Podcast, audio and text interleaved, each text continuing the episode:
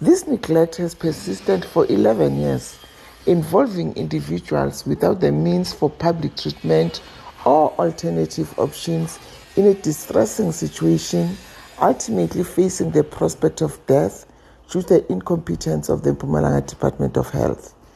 ActionSA believes that the right to health care is a fundamental human right crucial for the well-being of every South African. Unfortunately, echoing the devastating consequences of the collapse of public health care across the country,